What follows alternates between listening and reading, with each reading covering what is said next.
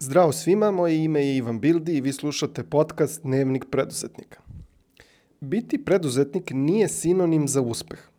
Postalo je u poslednje vreme nekako sramota ili društveno neprihvatljivo biti zaposleni.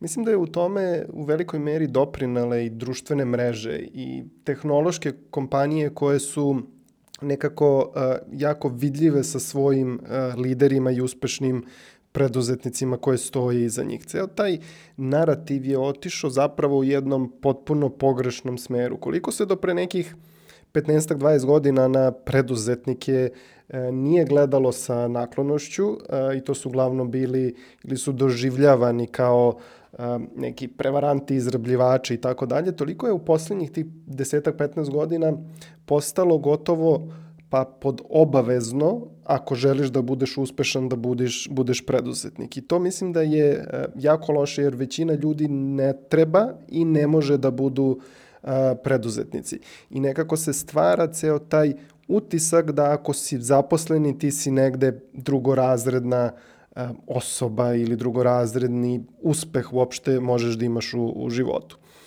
E, većina preduzetnika ne da ne uspe, nego spektakularno propadaju.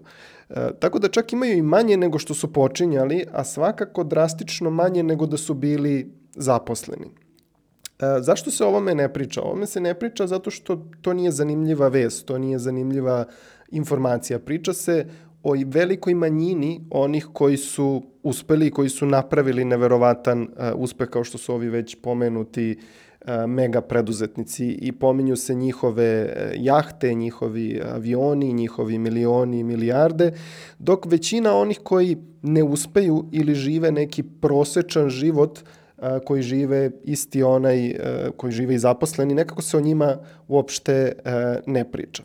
Pored svega ovoga se tek stiče zbog društvenih mreža jedan potpuno pogrešna slika o tome šta preduzetnici rade. E, zbog toga što uspešni preduzetnici dele na svojim profilima, društvenim mrežama to kada su, ne znam, na nekom sastanku sa nekom dobrom ekipom ili kad su na odmorima ili kada putuju ili slikanje sa, sa aerodroma. To ne znači da je to zapravo njihov život. Većina preduzetnika uh, A, I to sam imao iskustva, da, odnosno to sam potvrdio s razgovorom sa većinom preduzetnika u Srbiji i gledanjem onih stranih preduzetnika, pa i jedno vreme dok sam živeo u, u Londonu. Um, život preduzetnika je redko kada lep život. Lep život u onom a, smislu gde imaš prijatelje, imaš dosta slobodnog vremena, radiš puno onoga što voliš i tako dalje.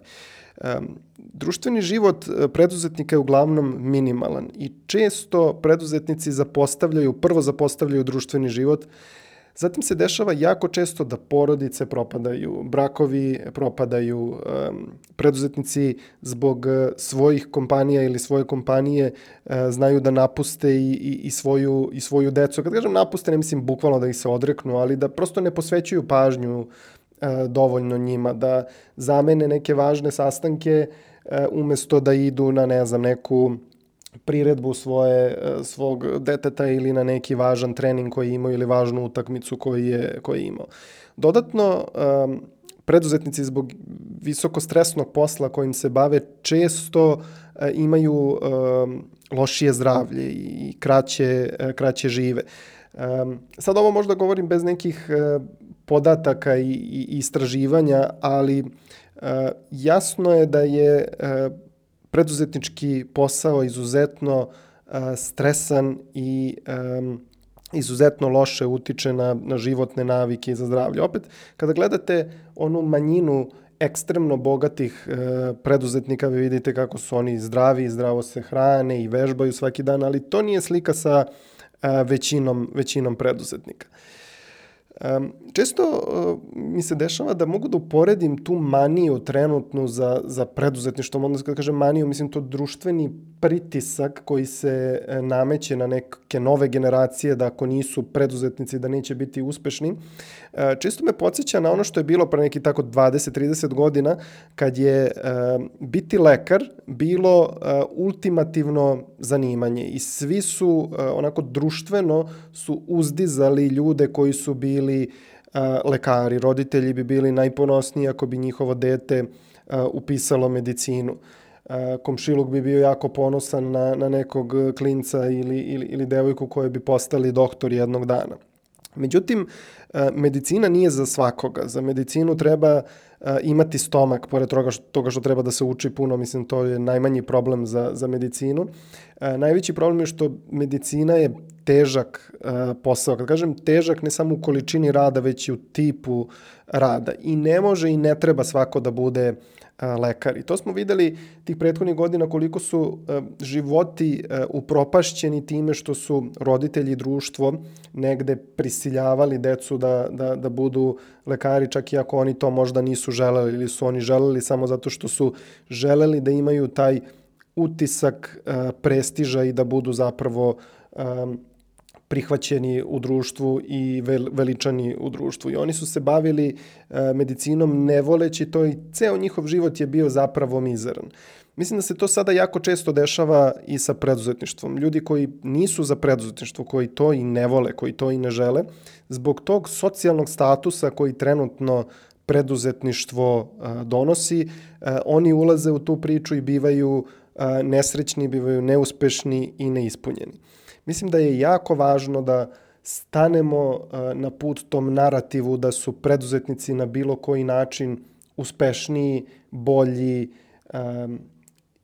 ljudi kakvi treba svi da budu. Mislim da je to jako, jako pogrešno i mislim da većina ljudi će kao zaposleni imati mnogo bolji život nego, nego kao preduzetnici. Ostavimo za one fanatike kao što postoje fanatici u, u, u medicini koji su rođeni za to da budu lekari koji vole da ono ajde ako su hirurg u tom slučaju koji vole da ono raspore osobu i, i poprave je ili koji vole da vide sve te unesrećene e, ljude i da ih poprave da ostavimo to, to za njih i da preduzetništvo ostavimo za tu malu manjinu ljudi koji e, svoj život jedino vide na taj način.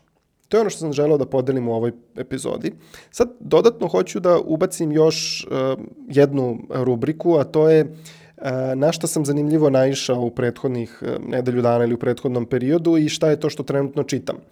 E pa ovako, naišao sam na jednu zanimljivu stvar, a to je izveštaj Starbucksa da je 75% svih njihovih napitaka koje prodaju svih njihovih kafa a, čine a, ice kafe, znači hladne kafe. 75% svega što su prodali u prethodnom a, kvoteru, u prethodnom a, tromesečju ili kako se, kako se već kaže na, na srpskom su bili a, te, te ice kafe.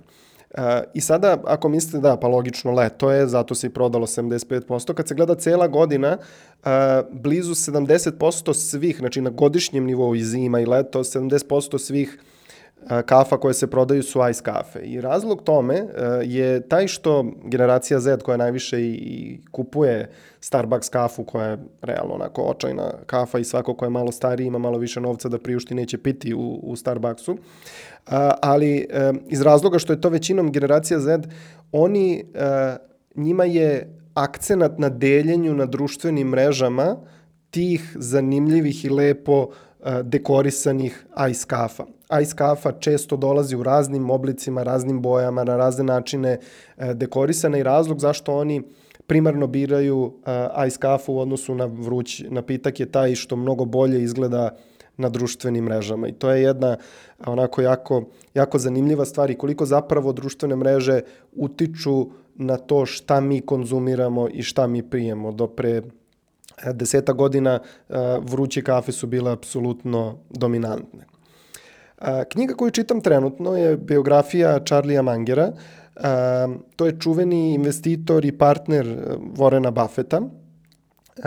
Knjiga je, on, nije direktno biografija onako kako bi klasično mogli da to e, pretpostavimo, već je e, skup citata i interpretacija tih njegovih citata. Iskreno, prvi put sam naišao na takav format i dok sam gledao reviewe na, na, na Amazonu, E, vidim da se dosta ljudi nije dopao taj, taj format, ali je meni bilo zanimljivo. I ono što se meni pokazalo da je taj format jako, jako zanimljiv i jako dobar, gde autor citira na različitim uh, poljima i Charlie Mangera i puno Vorena Buffetta, mislim njih dvojica su onako uh, u, potpunosti, u potpunosti povezani.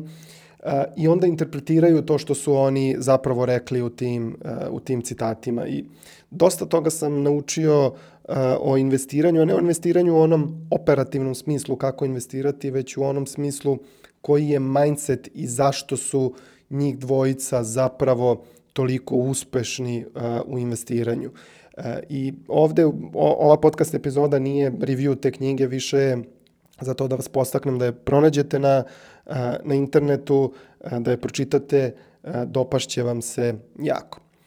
To bi bilo to za danas. Hvala vam na slušanju, a mi se čujemo ponovo u narednoj epizodi. Zdravo!